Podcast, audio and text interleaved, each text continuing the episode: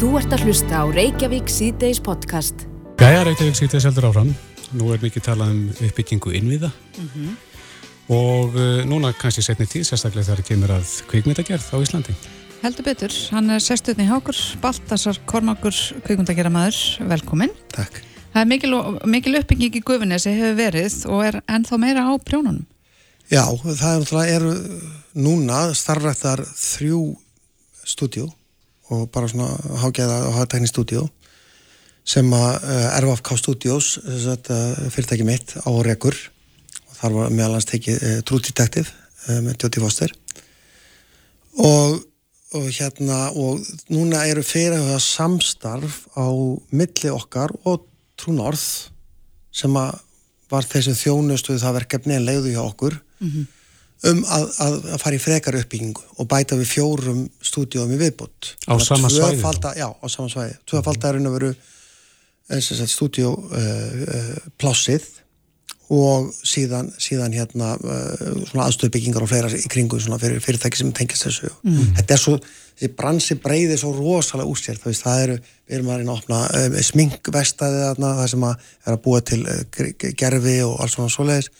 Það er búningalega Uh, propslega, þetta er alltaf sem okkur langar að verði þarna en, en ekkert endilega rekað allt sjálfur, þannig að við erum að reyna að hvetja fólk til þess að, að koma þarna og, og, og vera með og þarna er reikin tækjalega og, og hérna, drónalega og það er alveg endalust af svona fyrirtæki sem eru komin upp þér. Er þetta bara svona lítið þorp? Já, þetta var, það var alltaf að hugsa þannig og þetta er mjög, mjög gaman að sjá þú veit, maður fær eitthvað hugmynd og halda alltaf með sér bilaður að því að maður talar eins og maður sé að springa á ekoi og mm -hmm. þetta er allt sem mögulegt en svo bara stundu verðar hlutin er að raunveruleika og, og það er bara búið að gerast að mörgu leiti og er að, raun gerast þarna upp frá En, en maður spyr sér samt, sko, er, er þörf á, á þessu stóra og mikla kvikmyndathorfi á Íslandi af öllum stöðum?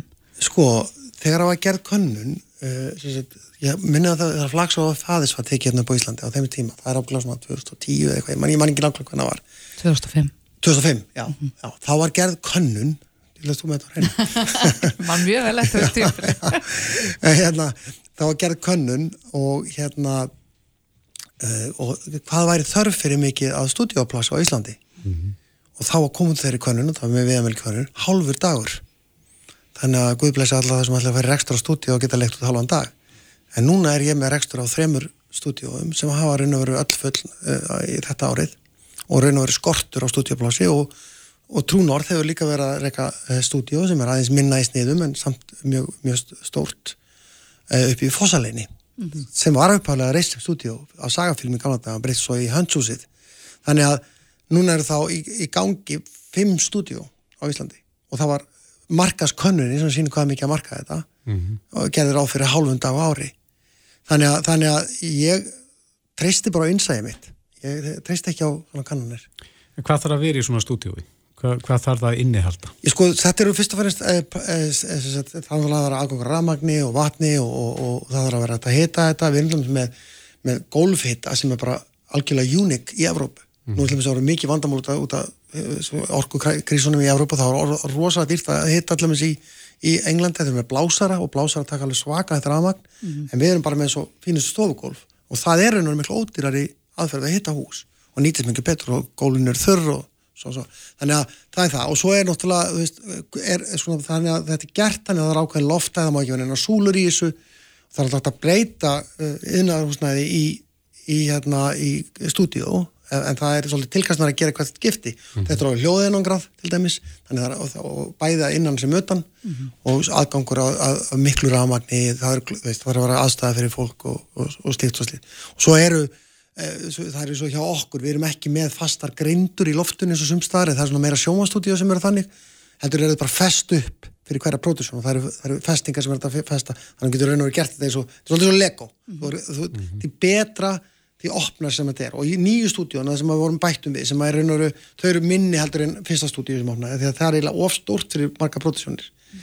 og það er alveg svaðalegt hljóðvekkur sem hefur byggður á Íslandi og þetta er svona annars á metist ykkur og náttúrulega 80 metra hár og, og 30 metra breyður mm -hmm. og þú getur verið að sko bóra í, í steinu í hliðina og vera að taka upp hljóðu hinnum einn það er magnað það heyrist ekki, heyrist ekki. Já, magnað En, en er, eru erlendur aðalar að sækja í komast hinga? Er, ekki, er þetta ekki svona tough sell eins og maður segir á ennsku? Er ekki erfitt það- að selja Ísland? Það er það alveg sömu leiti en það er það líka að öðru leiti ekki og, og, og sömu, það að því leiti að sko, stór hluti eins og allur, allur yðnaður og nú ef við horfum á kveikmyndir sem yðnaður ekki bara listform, þetta er líka yðnaður þá er náttúrulega uh, kjör eins og menn reysa álver á Íslandi það fyrir eftir skilur hvernig, hvernig hvað rámagnin kostar og það, veist, í svona mikill stóri framleyslu og svona miklu peningar í húfi þá er það kjörin sem þú færð.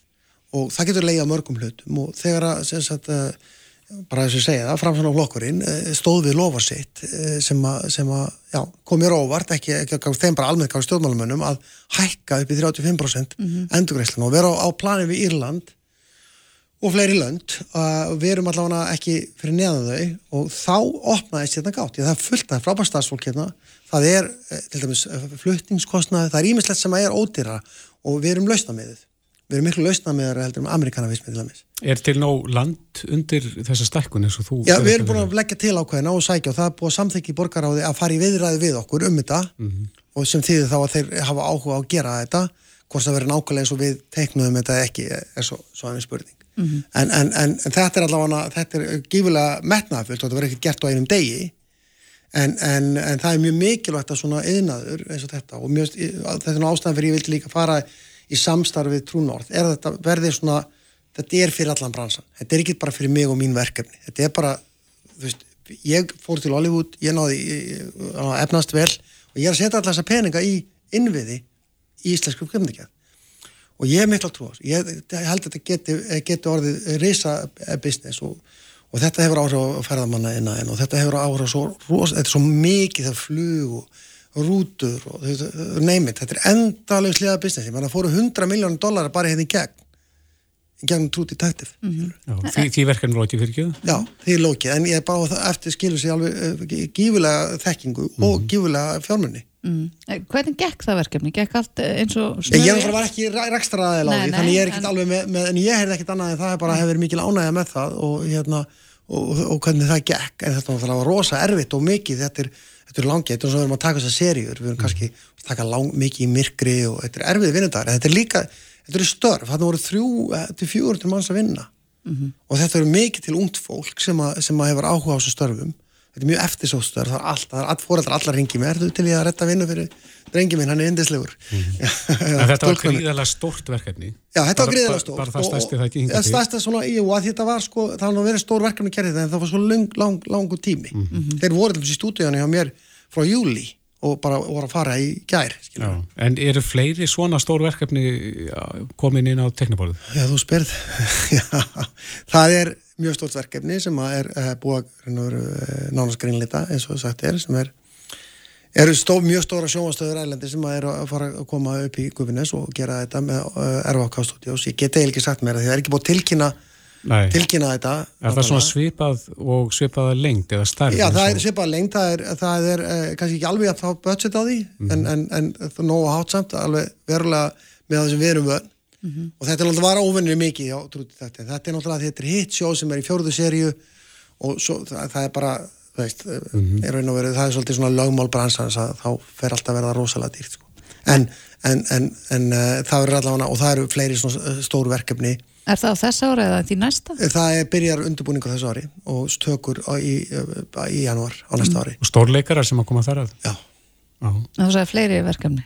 Já, það er, já, það er, fl- ég, er með nokkur sko. ég veit að Trú, trú Norð er með ekkur og hinn fyrirtækin líka en, en, en ég er með kvikmyndaverkefni, stór kvikmyndaverkefni sem að, að þetta er allt, þetta er sko þú veist, ég þarf að sannfæra mennlega eins og sumt, ég er að taka stór verkefni, ég geti komið með hlutaðum til Íslands, Er það með verkefni sem þú ert að fara að leikst þér sjálfur? meðal annars já.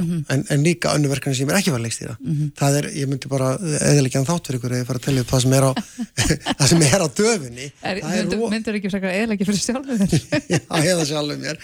En, en ég meina, við erum að klára snertingu líka sem að er, ég er mjög stoltur af. Það að frábært, var frábært æfintýri eftir bók eh, Jóhans og, og ég er að ég En, er hver, en hvernig er svona hefbundin dagur í lífi Baltasars Kormáks?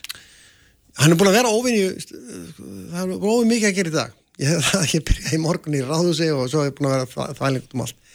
En þeir eru mjög misafnið, þetta geta þetta, svona, þetta er svona þarnavinna, en ég er líka þú veist, ég hef lært með tímanum að treysta fólki og nota fólk og sagt, ekki nota fólk þannig heldur að, að láta fólk bera ábyrð og, og, og njóta sín og, mm -hmm. og veri ekki alltaf að mikromanitsa allt mm -hmm. uh, sumt er að kemur að kannski uh, klippin í myndinni minni eða eitthvað slúið, þá er ég náttúrulega mjög, mjög áskiptarsamur uh, þannig, en, en það er líka hlutverk mitt en ég, ég hef það alveg helviti gott ég hef bara segjað svo er ég hérna mikið tíma með börnunum mínum og eða miklum tíma með þeim og þannig ég bara lifi bara mjög góðu lífið þannig séð, ég er ekkert eitthvað að fara yfir um af, af stressi sko, þetta mm. er bara eins og öll vinna mm -hmm. Er þetta miklu flandri, hinga og þanga? Já, ég hef verið það, ég er bara verið aðeins heima núna ég er í klippiferðli og þá kemur svona tími sem ég get einbætt mér enni það er, það er lítur út frá Afrika séða þetta inn aftur og ég þarf aðeins að fara að ferast núna en, en, en ég er svona að reyna að vera þessi mest á landinu og svona að reyna að koma með verkefnin meira til landsins Þú vilt vera hérna heima? Já, ég vil vera hér, mér líður best hér Hver er tímaramin á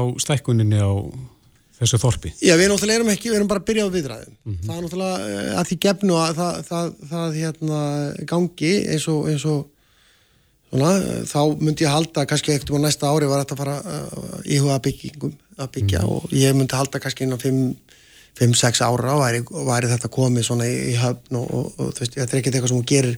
Ég byrjaði 2016 á þessu að, að þá kefti ég fyrstu hérna og þú veist og það vildi enginn sjá þetta. Og það er alveg saman hvað menn segir í dag skilja, það er allir með lillu gula hænuna en, mm -hmm. en það vildi enginn sjá þetta. Þetta var kallað Tjernobyl hérna Guðvinnesi og þetta var ógæðslegt að koma upp yfir og allir held að það var eituröfni í jörði en, en ég tók sénsinn og byrjaði að byggja upp og síðan er bara sko, sko svona hvað, fjö, uh, veldis áhrifin sem hún er að verða eru svakaleg og núna er að byggja íbúðir hérna og þetta er æðislegt hérna, æðislegar íbúðir sem er að, er að koma upp með sjáasíðinni Eh, veist, og, og, fyrir starfsfólki þá? Já, bara fyrir hvert sem er raun og veru. Það er ekki þetta að halda því fyrir starfsfólk en, en það verður alveg auðvitað að setja í Airbnb eða fólk er að fara út og það var einhver eldri maður sem kom daginn hérna og var að köpa íbúða það segir, hjónum fyrir bara til spánar eða þurfið þessar íbúð. Fyrir djóti já, já. Það, það, það er algjörlega og það er bara fyrir hvert sem er en, en þetta er líka bara æðislegt svæði. Bara sjáar, sjáar mhm. hérna lóðir og og, hérna, og, og þetta er núna er byrjað að flytja það fólk inn. -hmm. Þannig að framtíðin er björnt Heldur betur Já, frábært, við lakum til að fylgjast með þessu. Baltas og Komalkur, takk hella fyrir spjallið og góða helgi. Kæra þakki svo mjög leis Þú ert að hlusta á Reykjavík C-Days podcast. Já, það eru tíðindi úr verkalýsreifingunni Finnbjörn A. Hermansson var í dag kjöring fórseti ASI á, mm -hmm. á þingi alltíðisambatsins Já og það sem að leit út fyrir þá tímabilið að enginn vildi snerta á, á þessu ennbætti? Nei, það hefur verið stormasamt innan verkefliðsreifingarinnar og, og Finnbjörn var sjálfkjörinn, hann var einn í, í frambóði mm -hmm. og Finnbjörn er á línunni, góðan að blessa hann dæn Finnbjörn og til hafmyggju með ennbættið. Já, það er fyrir. Hvernig hérna, líðið þið með þetta? Þetta eru stór verkefni sem eru framöndan. Já, já, ég er ekki teiknið þau. Það er hérna búið að kjósa mjög aflöðan viðstjórn og og hérna við tökum þetta bara í sammenningu en það eru mörg verkefni framöndan, það er alveg ljóst. Já, það hefur líka verið óeining innan eh, reyfingarinnar. Verður það þitt hlutverkarinn að sætta fólk? Sko, mitt hlutverk verður það að fá fólk til að vinna saman. Uh, hvort það sættist eða ekki, það ætla ég ekki að fara í þetta er allt saman fullorðu fólk sem ræður sér sjálf, sko. Mm -hmm. En ef það getur unni saman, þá er ég ánaður. Og það verður, verður verkefni svona framöndan. Mm -hmm, uh, lásum líka fréttir af Áskeri Jónssoni selabankastjóra sem bindur mikla voni við þessa nýju fórustu ASI þannig að það er komin smá pressa líka á axlitan á okkur. Já, ég er ekki búin að kynna mér þetta, búið mikið að gera á þinginu sko, en, en ef hann, ef hann er, er eitthvað höfða til þess að, að við ætlum eitthvað að vera rólega eitthvað þess áttar og ekki vera sækja það sem okkur sko tilherir, þá er hann ekki á réttum stað sko. Mm. Við erum alltaf tilbúin til þess að aðstóða við að ná niður verðbólku svo fremið sem að sko allir komi á borðinu og, og taki þátt. Já, þú veit náttúrulega margur reyndur úr verkefni í sparáttinni. Svona hver eru stærstu verkefni framöndan? Sko stærstu verkefni verða sem að snúa að sko alltíðsambandinu. Það eru til dæmis húsnæðismálinn Það eru velferðarmálinn eins og til dæmis barnabætur og, og fjölskyldubætur og annað þess á það. Þetta er orðið uh, það sko slaft og lélegt að, að það munar orðið lítið um þetta og við, það eru, það eru fjölmörg önnur mál sem við höfum verið að álíta hér á þingjunu sem að verður sem sem sett upp í verkefna skrá hjá okkur Mhm. ekki alveg með þau kollinum í ögnumbygginu Einmitt. En, en ég verði að fá að spyrja það Finnbjörn út að leit eins og Kristófur nefndi hérna á, leit út fyrir að myndi uh, enginn fara sækjast eftir þessu embætti. Af hverju tókst þú þess ákvörðun? Já, bara félagarnir skoruð á mig að, að þennan hvort ég verið tilbúin til að fara í þetta. Eh, Þetta var svo sem ekkert, ekkert auðveld ákvörðin fyrir mig. Ég semst var að, var að hætta í byggin, félagi byggingamanna og allan er aðra hluti en hérna og sló svo bara til og er þá bara komin á fullt í þetta mál. Mm Þreifar eitthvað fyrir þér áður? Uh, Rættur eitthvað við stærstu leikendur á, á þessu sviði? Áður en Já, þú já. tókst þessu ákvörðin? Já, ég ég er ekki blindandi í þetta sko. Nei. Þannig að ég er búin að tala við fólk og annað og þannig að hérna, ég er maður með svona ákveð upplegg sem hvernig við ætlum að spila í sammenningu Mm og hérna, það kemur svo bara í ljós hvernig það gengur upp. Þannig að það er komin einhver taktík á borðið. Já, hún verður til svona eftir helgina sko, við höfum eftir að slípa hana en, en það er svona ákvæmna hugmyndir hvernig við ætlum að vinna hlutina áfram. Já. En eins og við nefndum hérna áðan, Finnbjörn, þá hefur verið mikið ósætti meðal fólks uh, æðstu toppana í verkalið sparóttinni. Hvert verður þitt hlutverk að, að reyna að, að uh, fá þetta fólk til að vinna saman? Það er með því að, að finna sameigileg málefni sem að hérna, við getum sammælst um kakvart stjórnöldum og ofenbörum aðilum. Uh, það er líka svona mm, að allir og alla rættir þá að heyrast og, hérna, og finna svo einhverja málamiðlun sem við getum sest á. Mm Það hafa einhverjir sagt uh, síðustu vekur á mánuði að þessar deilur innan verkalýsreyfingarnar hafi verið orðnar ívið persónulegar. Erstu sammálað því? Í það er sko, já, já, það eru, það eru hérna alls konar, sko að segja, alls konar litbriði á því hvað menn eru að teilu. Það er bæði málefnilegt og, og síðan er það líka eitthvað persónulegt. Mm. En þú ert, ertu bjart síðan á að ná að vinda ofan að þessari, þessari deilu og, og allir geta unni saman? Ég, ég svo ég sagði, ég ætla ekki að fara hérna, sætta fólk ef það vil halda áfram að deila þá bara deilir það en ef það getur sæst á verkefni og, hérna, og unnið saman að verkefnum þá er það bara gott nátt. Já. En menn sitja núna, það var sami til stittri tíma núna í síðustu lótu og nú er menn byrjar að tala saman. Uh, verður eitthvað að sækja í vasa uh, launa greiðenda? Er ekki allir í, í sömu súpunni og sitja þar fasti saman? Eh, Það er nú ekki að sjá svona eftir afkomu fyrirtækja sem að er að gefa áskýsluna sínar núna. Það er bara alveg nóg til sko hjá þessum aðilum. Þannig að, að hérna, það er bara töluvert að segja. Mm. En uh, það er uh, svona sá hlutin sem að kjara, sem snýr að kjara samningum og, og kaupa á kjörum, það verður náttúrulega í höndum verkefælisfélagana sjálfra því að það er samningsumbóðið kakvað þeim. Mm En svona sameigilegu málin verða á borði alltíðusambansins. Mm En sér þið fyrir það að verði herja meira á hefur opinbera í þessum langtíma samningum? Og reyna að sækja meiri, meiri úrbætur? Ég, það liggur alveg, alveg ljóst fyrir að, að hérna, til dæmis þessi verðbólka, hún er náttúrulega búin til bara á ríkistjóninni. Það verður með einhverjum, einhverjum hætti að, að snúa ofan af því sko. Það, það gengur ekkit að það er alltaf farið í vasa almennings með því að hækka vexti og það lendir alltaf á þeim sem síst skildi og, og síðan eru allir aðrir bara með fríspil. Það gengur ekkit upp. En lendi ekki þess að vaksta hækkanir jæmt á fyrirtækjum líka sem eru skuldsett Jú, nema bara margver? fyrirtækin geta stórum hlut af veldur sem svo út í vellegin sem lendur svo á þessu sömu aðilum og er að borga vextina sko Mhm. af lónum sínum. Einmitt.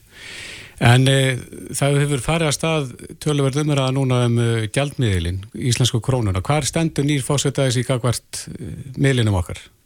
Uh, Það er hlutur sem ég ætla bara að geima að ræða og hérna, það er eitthvað sem við tökum sammeila ákvörðunum afstöðu innan alltíðusambassins.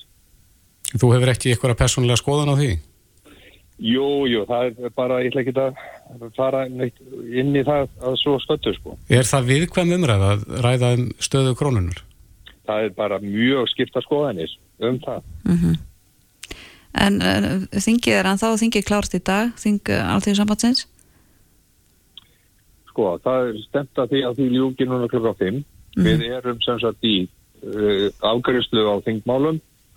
Það búið að kjósa miðstjórn og það standa fyrir, eða yfir núna, kostningar í varast miðstjórn Mm og síðan eigum við eftir að klára uh, nokkur mál, þannig að þannig að hérna, þess, þessu fyrir ljúkason, kannski um fimm leiti. Já, en svona ef við lítum aðeins fram í tíman áttu vona því að viðræðnar harni eftir því sem að nær dregur? Uh, við stjórnvöld og, og og við sem endur, já, Já, já, það er bara eðli samninga sko, þegar að hérna, þegar að hérna næl dregur semst að við viljum fá einhver botni í það sem við erum að semjum og þá náttúrulega harna alltaf deilur og, og hérna það er bara eðli, eðli, eðli málsins samkvæmt. -hmm. Finnbjörn, getur þú líst þér sem leiðtóa? Ertu færum það? Hvernig leiðtóa ert þú? Uh, æ, nú ertu með erfiða spurningu. ég veit ekki, ég held að ég svona, ég reyni í lengstu lög að, að hérna, hlusta á sjónarminn sem flestra. Ég er ekki mikið um það að fara í atkvæðagaríslur. Ég vil oftar, oftar hérna, reyna málamiðlanir eins lengi og, og stætt er því að eftir því sem að fleiri eiga, eiga hérna, hlut í ákvörðuninni og er ekki beittir uh, að þeirra matur ofta tíðum ofurvaldi með atkvæðagaríslu að þá eru það yfirleitt sko nýðustöður sem að halda betur og, og hérna fleiri eru á bakvið. Það hefur verið svona mitt sjónamið í gegnum mitt starf inn í hreyfingunni. Mm Ertu harður í horn að taka? Ég get verið það alveg eða svo vill vera sko. já Við óskum þér velfarnar í starfi Finnbjörn Já, það. Hermansson nýr fórseti ASI, kæra þakki fyrir þetta og góða helgi Já, sumleðis. Takk. Þetta er Reykjavík C-Days podcast. Já, þetta var Reykjavík sítið svona í hnótskurð Já, þessa vikuna. Já, Þetta var mjög vel gert bræði. Ég veit að verkefni var ekki auðvelt. Þetta var náttúrulega þung fréttavika. já Það er enn talandum fréttir vikunar ein slík vakti aðtikli en það var eh, landnemi sem að fannst Já, og ekki landnemi sem við kærum okkur um. Nei, við viljum helst ekki hafa hann. Þetta var nýr mítill eða nýr tegunda mítli. Mm Mhm. -hmm.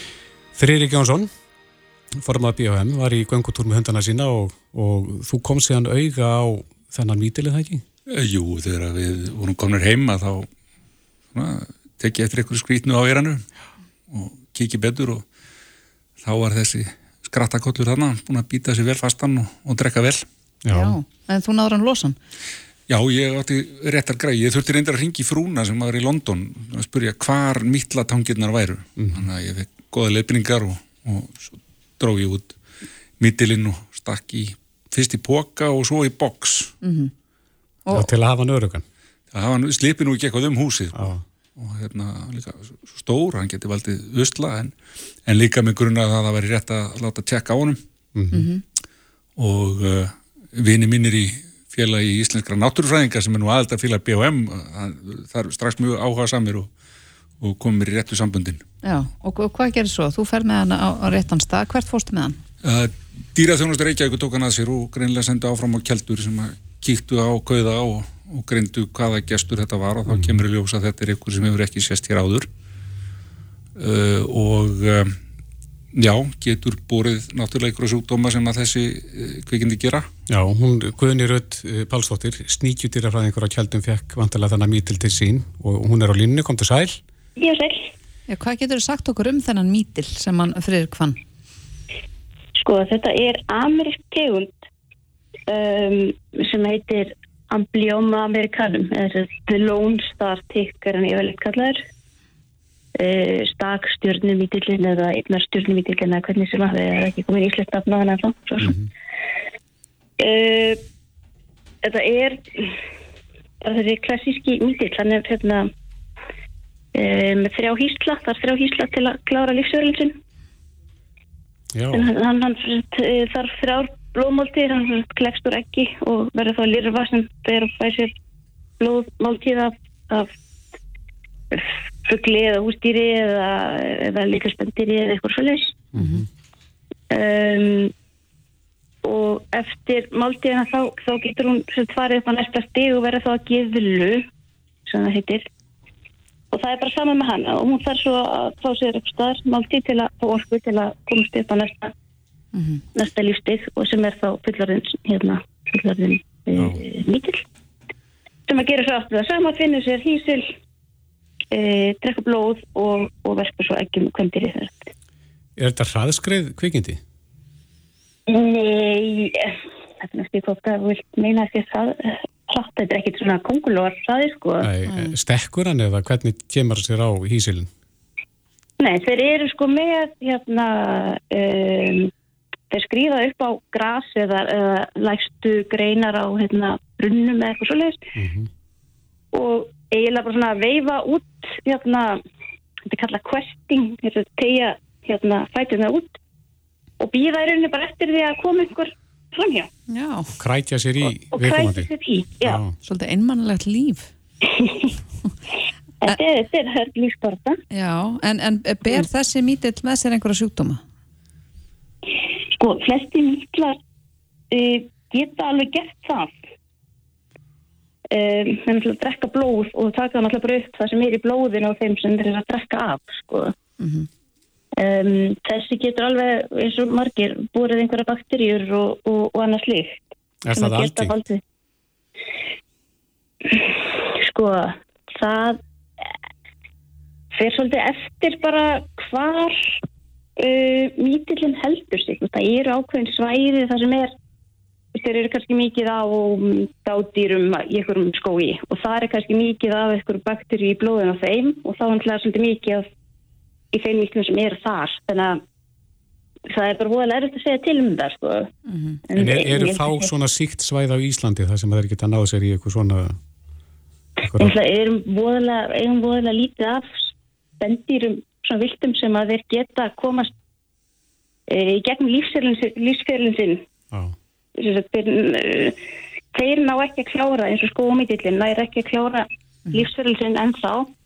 En svo erum við með aðra mítla eins og til dæmis lundamítilin eða lundalúsina sem er svona eins mítill en mítill eins og þessi. Hann alltaf lifir hér og, og það voru eitthvað tíma að gera einhverjar rannsóknir á að skoða borrelíu lunda.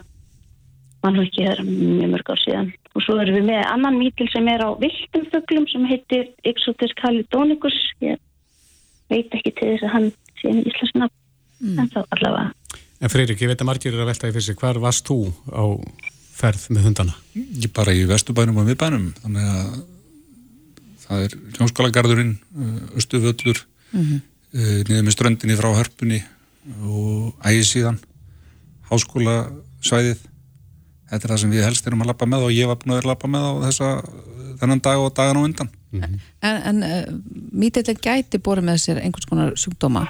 Hva, hvernig meðferð var hundurinn?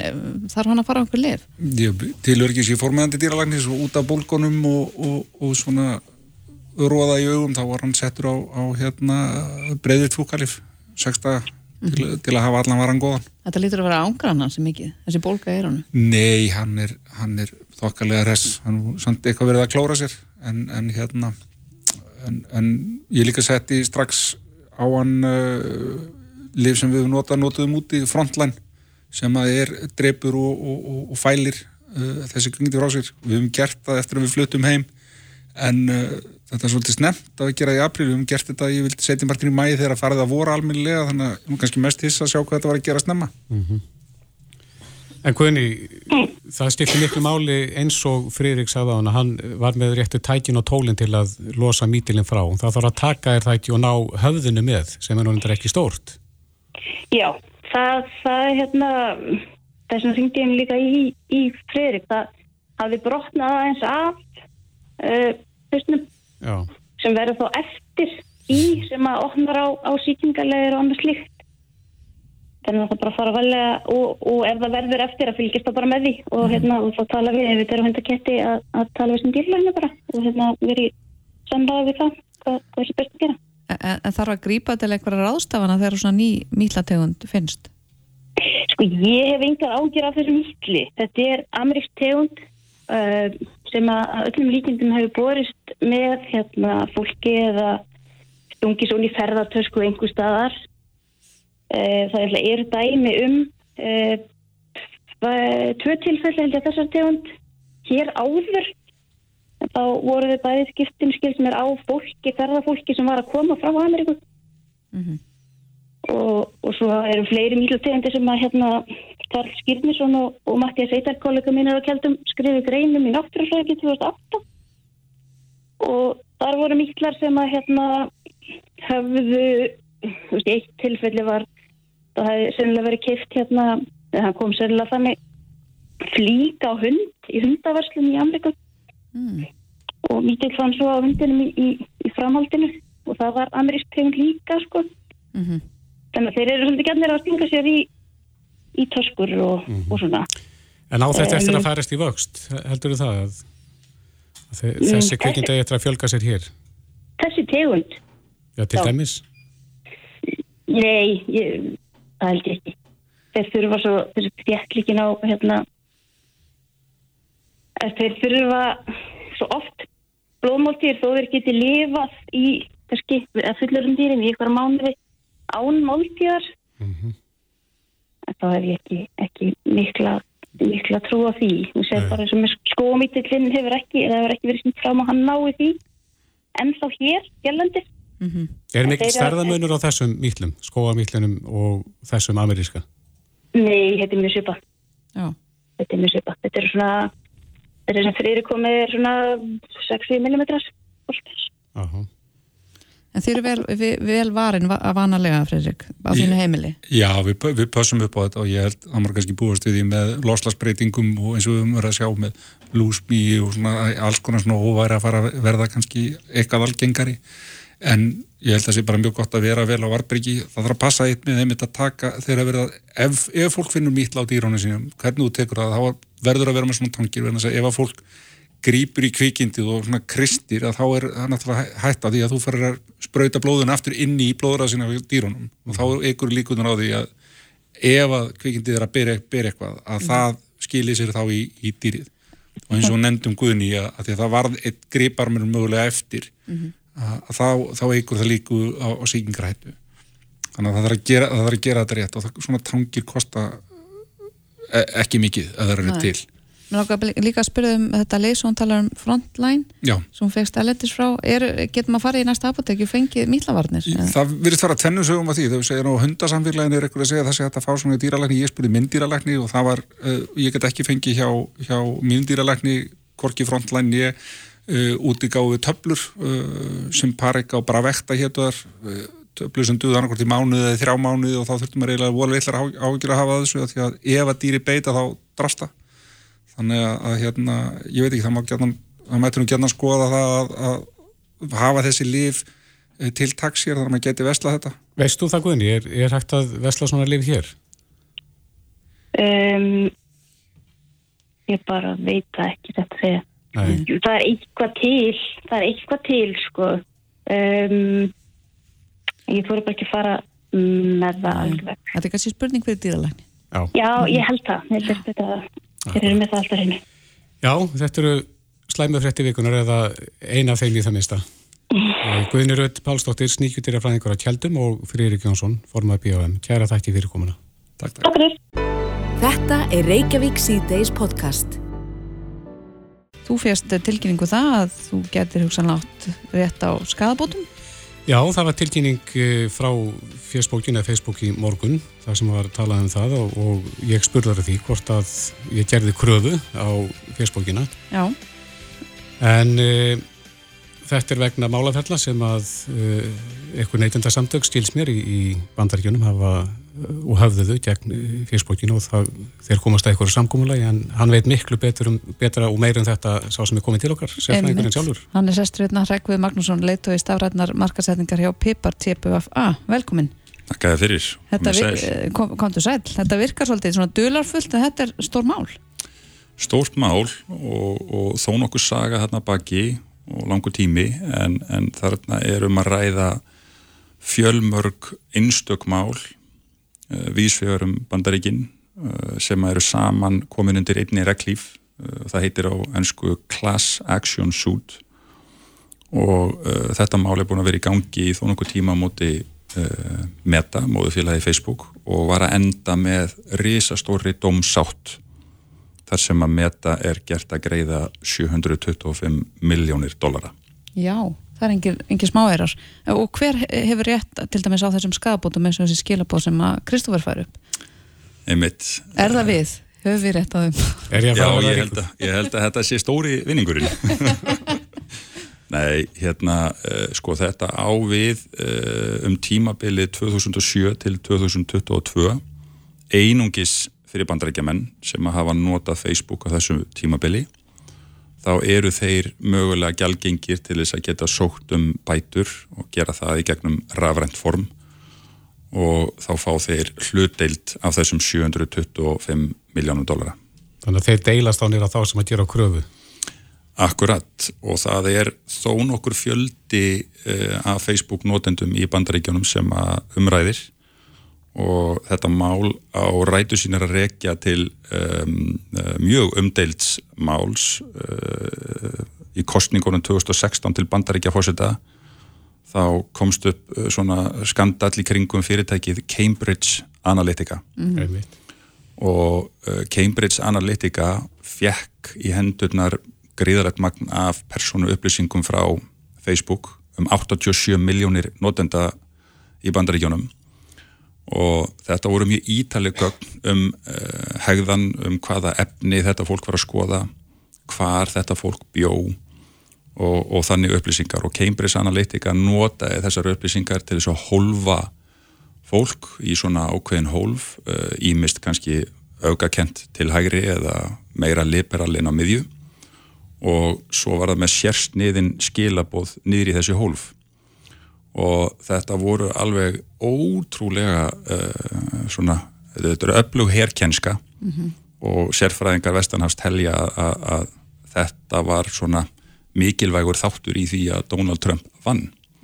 En svo þekkjum við náttúrulega að, Cambridge Analytica fór á hausinn og, og, og lokaði beint eftir, eftir að þetta komst upp. En að þetta eru fórsetikostingarna 2016 en 2018 viður kennir Facebook að hafa látið þessar persónu upplýsingar uh, í hendurnar á Cambridge Analytica og auðvita gegn gældi og þar með hófst uh, þetta mál.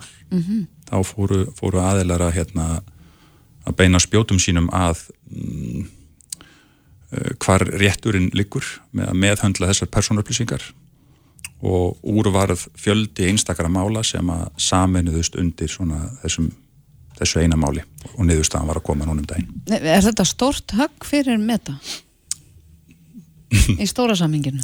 Þetta er einhverju tæpir 100 miljardar íslenskara króna en, en nei, ég held að Mark og, og Kó, ég held ekki þetta nú bara millifært þetta sko. Uh, jú, jú, ég, ég ætla ekki að gera lítið úr því þetta eru miklu peningar en, en, en hagsmununir eru bara svo ótrúlega miklir fyrir þessi tekni fyrirtæki og, og hérna og um, sko 2021 uh, og 2022 þá er meta að selja auglýsingar, sérst, auglýsingatekjur eru svona á bilinu kannski 85-90 miljardar dollara Já. og þessi domsátt nær ekki miljardi til þess að setja samhengi á hverjar tekjur þessa félags er. Það sér ekki högg á vatni þannig. Nei, þetta, þetta er ekki mjög stórt fyrir þetta félag. En er þetta byrjun á okkur öðru þar að segja, gefur þetta blóð á tennurnar, hvert öðrum neytendarsamtökunum, annar staðar í veröldinni? Sko, já, alveg klálega og það er náttúrulega undir alda búin að vera síðastlinn ár uh, varðandi gagna öryggi og, og reyndar er gaman að segja frá því að, að, að GTPR uh, sem, sagt, sem er evrósk lögjöf, Evrópa leiðir þessa vegferð og maður er stoltur að vera Evrópa búi um, uh, í Evrópu þá hafa verið sambarlega mál og núna síðast í kringu 2021 að það voru svona mörg einstök mál saminuð uh, undir einum hatti, mál frá fjölmörgum euróskulöndum en það náði einhverju leynilegri sátt sem að erfitt er að afla upplýsinga um.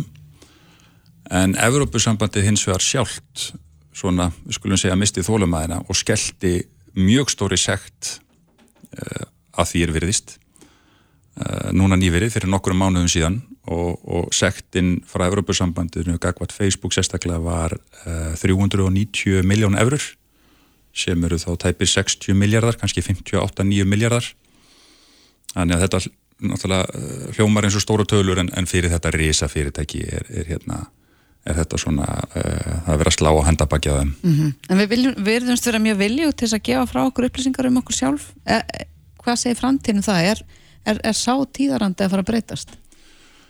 Já, uh, sko tækni byltingin sem að hefur átt sér stað hérna síðustu 10, 15, 20 árum uh, hefur bara gerð svo hratt. Þetta gerir svo hratt og á örfáum árum að þá eru bara öll heimsbyðin farin að nota þessi tól. Og, og við erum ekkert sko sérfræðingar, lagarlegi sérfræðingar og þegar við erum eh, beðinum að haka í samþykki fyrir einhverjum, einhverjum skilmálum, ég meina það er engin að lesa þetta. Mm -hmm. nema þá lögfræðingar fyrir hönd uh, svona einstaklinga í svona málum en það voru einmitt þessi skilmálar sem að uh, var svona verið að rína í og það var álita mál hvort að þeir væru nóg. Og, og þessi dómur var að hveða á um eða þessi dómsátt er svona að segja nei þessi skilmálar eru ekki alveg nóg.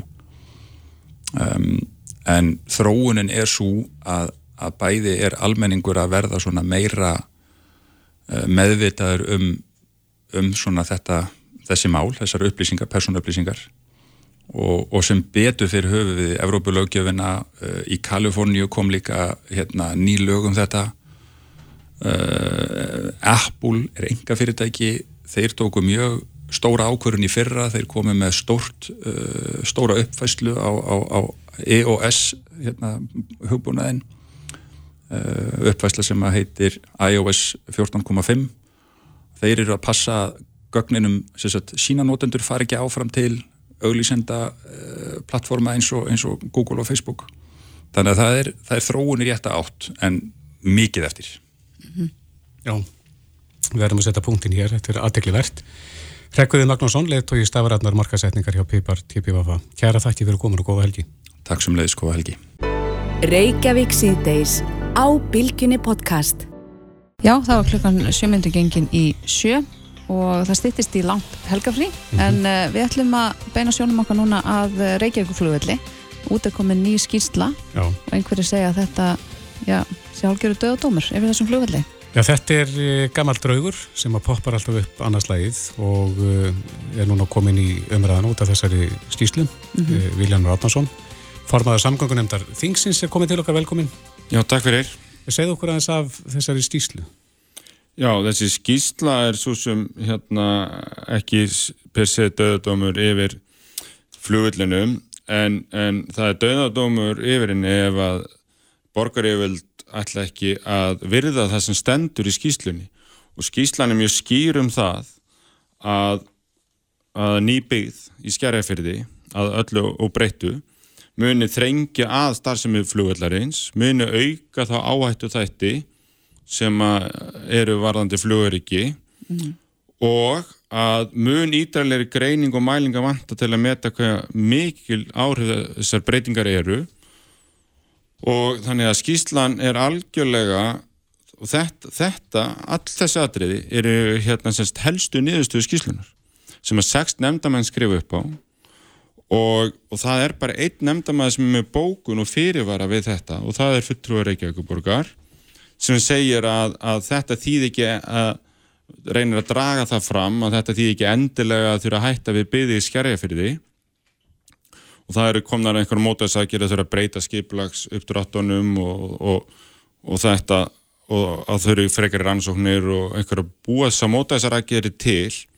Þannig að að það sé sér svona bókun frá fullra Reykjavíkuborgar með þessu en hinn er ekki að taka undir það og þessar helstu niðursum sem ég fór með sem segir mig það bara að ný byggði skerjafyrði kemur kannski einhver tíman en hún getur ekki komið og meðan er ekki búið að finna flugullinum annan og jafn góðan eða betri stað. Mm -hmm. En það, það verðist ekki vera að hæja á framkvæmdum samt sem aður með í nýja Nei, það er það sem ég hef ágjör, það getur vel verið að setja að fara áður en Reykjavík flugullu verið fariður annað með þessa byggð, en þá þarf að vera búið að endur hannana og gera frekar rannsóknir.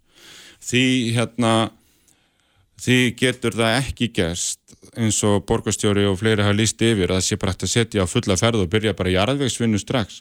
Við vitum það alveg að gera skiplasbreytingar og gera svona rannsóknir útættur og hvað áhrif þessar skiplasbreytingar hafa, það tekur mikið lengri tíma heldur en að byrja bara að grafa hérna á næstu mánuðum. Sko. En er borgin ekki sjálfsvald sett að halda þessum uh, áformum áfram eða þessar uppbygging á þessu svæði?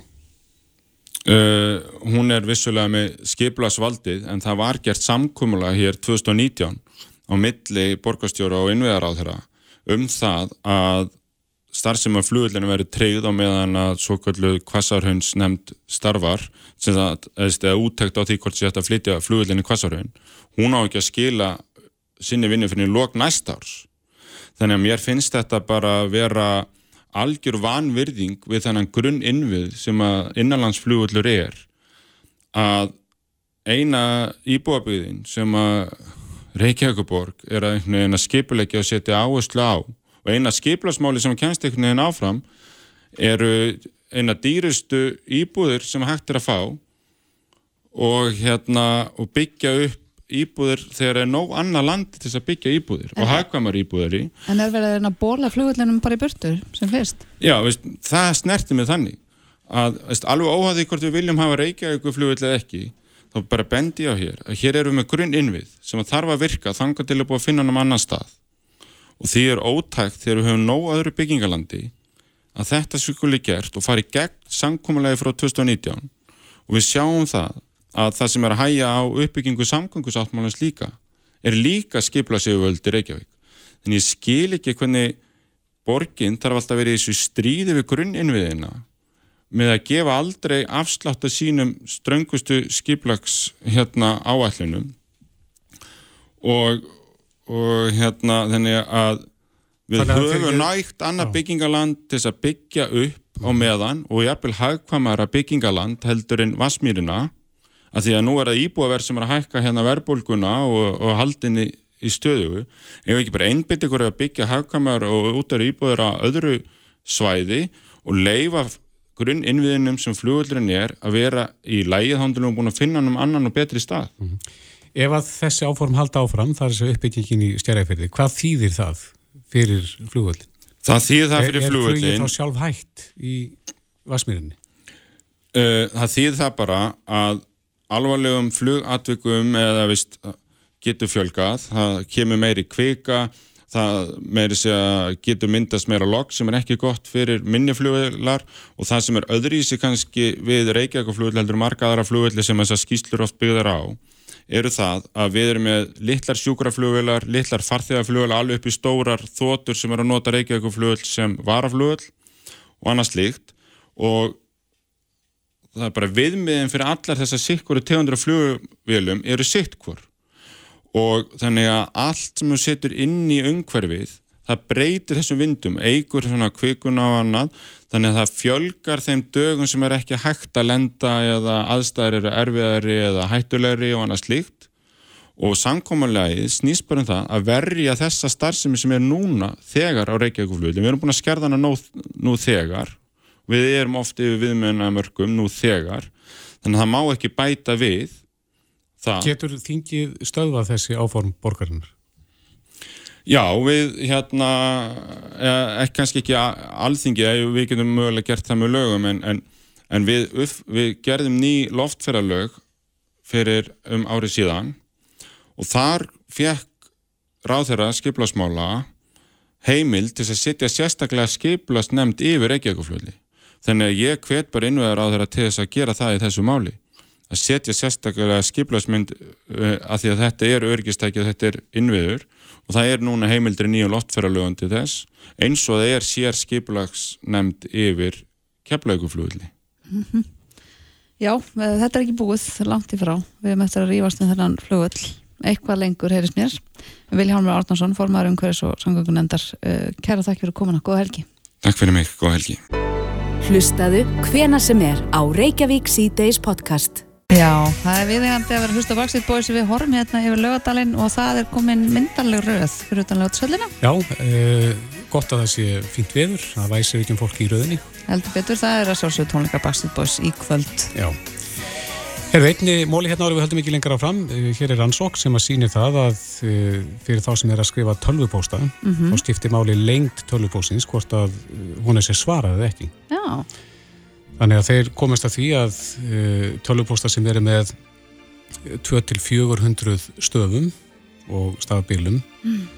þeim var svarað 16% oftar heldur en þeim sem að voru lengri þegar að póstati voru komnir í 1400 stafi að þá munaði 41% þannig já, að þetta segir okkur höfum þetta stutt og nýtt niður já, bara almennt í lífinu heldur. Já.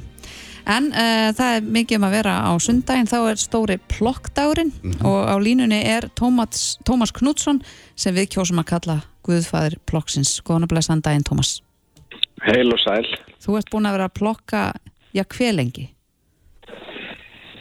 Já, ég byrjaði með bláa herin 1995 Og reiknaði nú? og það eru 28 ári ár sem að eru komin þar sem að þetta er svona ofinberlega auðvitað náttúrulega hefur þetta viðlóða mann eitthvað gegnum tíðina svona en þetta byrjaði náttúrulega allt saman í kringum þetta köfunabatteri sem ég var sett á lakjurnar á sínu tíma og við byrjum bara að þrýfa neðan sjóvar Já, hefur- okkur, okkur blöskraði bara rusli og drasli allstaðar og. En þú er aðalega verið að einbytta þér að, að ströndinni er það ekki? Jú, ég, ég hérna ég svo sem er ekkit endilega að hólu þetta niður hvar ég ræðist á garðin sko, ég náttúrulega reyni að vekja bara samfélagi til umvöksunar um sitt nærumhverfi, hvort sem það eru í kringum fyrirtæki eða strandlengjur eða bara hvað sem er. En ég, ég kann best við mig í fjörunum því að það eru svo margir sem vilja koma í þessi fjöru verkefni. Já, þannig að þú fær góðan liðstyrk.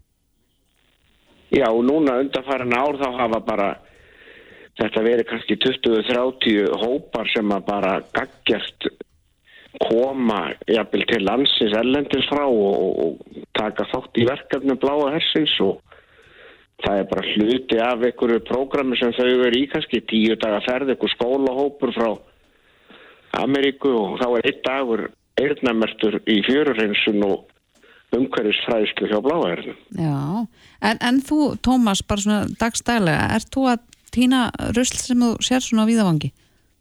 Já. Alla daga? ég stoppa og hopp út og tek upp rusl þegar ég sé það. Já, vel gert, það mættu fleiri taka þig til fyrirmyndar. En Ég reyna að hafa alltaf þannig að ef það er bíl fyrir aftan mig þá er ég ekki að taka eitthvað tjens á því að hann sé eitthvað starf að glápa út í loftið og þrykki nú í, í baki á mér. Þannig að ég, ég reyni svona að stökka út þegar ég getað og, en ég náttúrulega er alltaf með augun opinn fyrir umhverfunu. Það er eitthvað nefn bara hefur farið þannig inn þessi umhverfisvitund á mér og ég reynir svona bara að vera þessi náungi sem að er að hvetja og ég held að grunnurinn að þessu getur orðið þannig að sko framtíðin það er, það er fræðsla sem að er líki latri og ég er að vinna í mjög mörgum skemmtulegum verkefni, ég, ég er búin að heimsækja hundruð skóla og krakka í gegnum tíðina og þau eru svo opinn fyrir því að fá þessa fræðslu og vilja vita allt um umhverfið sitt. Einmitt. En Tómas, eins og- uh, fer okkur aftur eða, eða stöndum við okkur betur núna heldur en þegar þú varst að byrja 95? Erum við meiri sóðar í dag? Stórt er spurt, ég man nú þegar hann forgir vinnu minn hjá ykkur, ringdi einhvern tíminn í mig og spurði mig bara Tómas, eru þau sóðar? Mm. Og ég sagði já og það er kannski ekki réttast orðið að, að segja við séum sóðar. Ég vil meina það að í dag eru samfélagsmiðlarnir orðnir það sterkir og þeir eru málið í dag.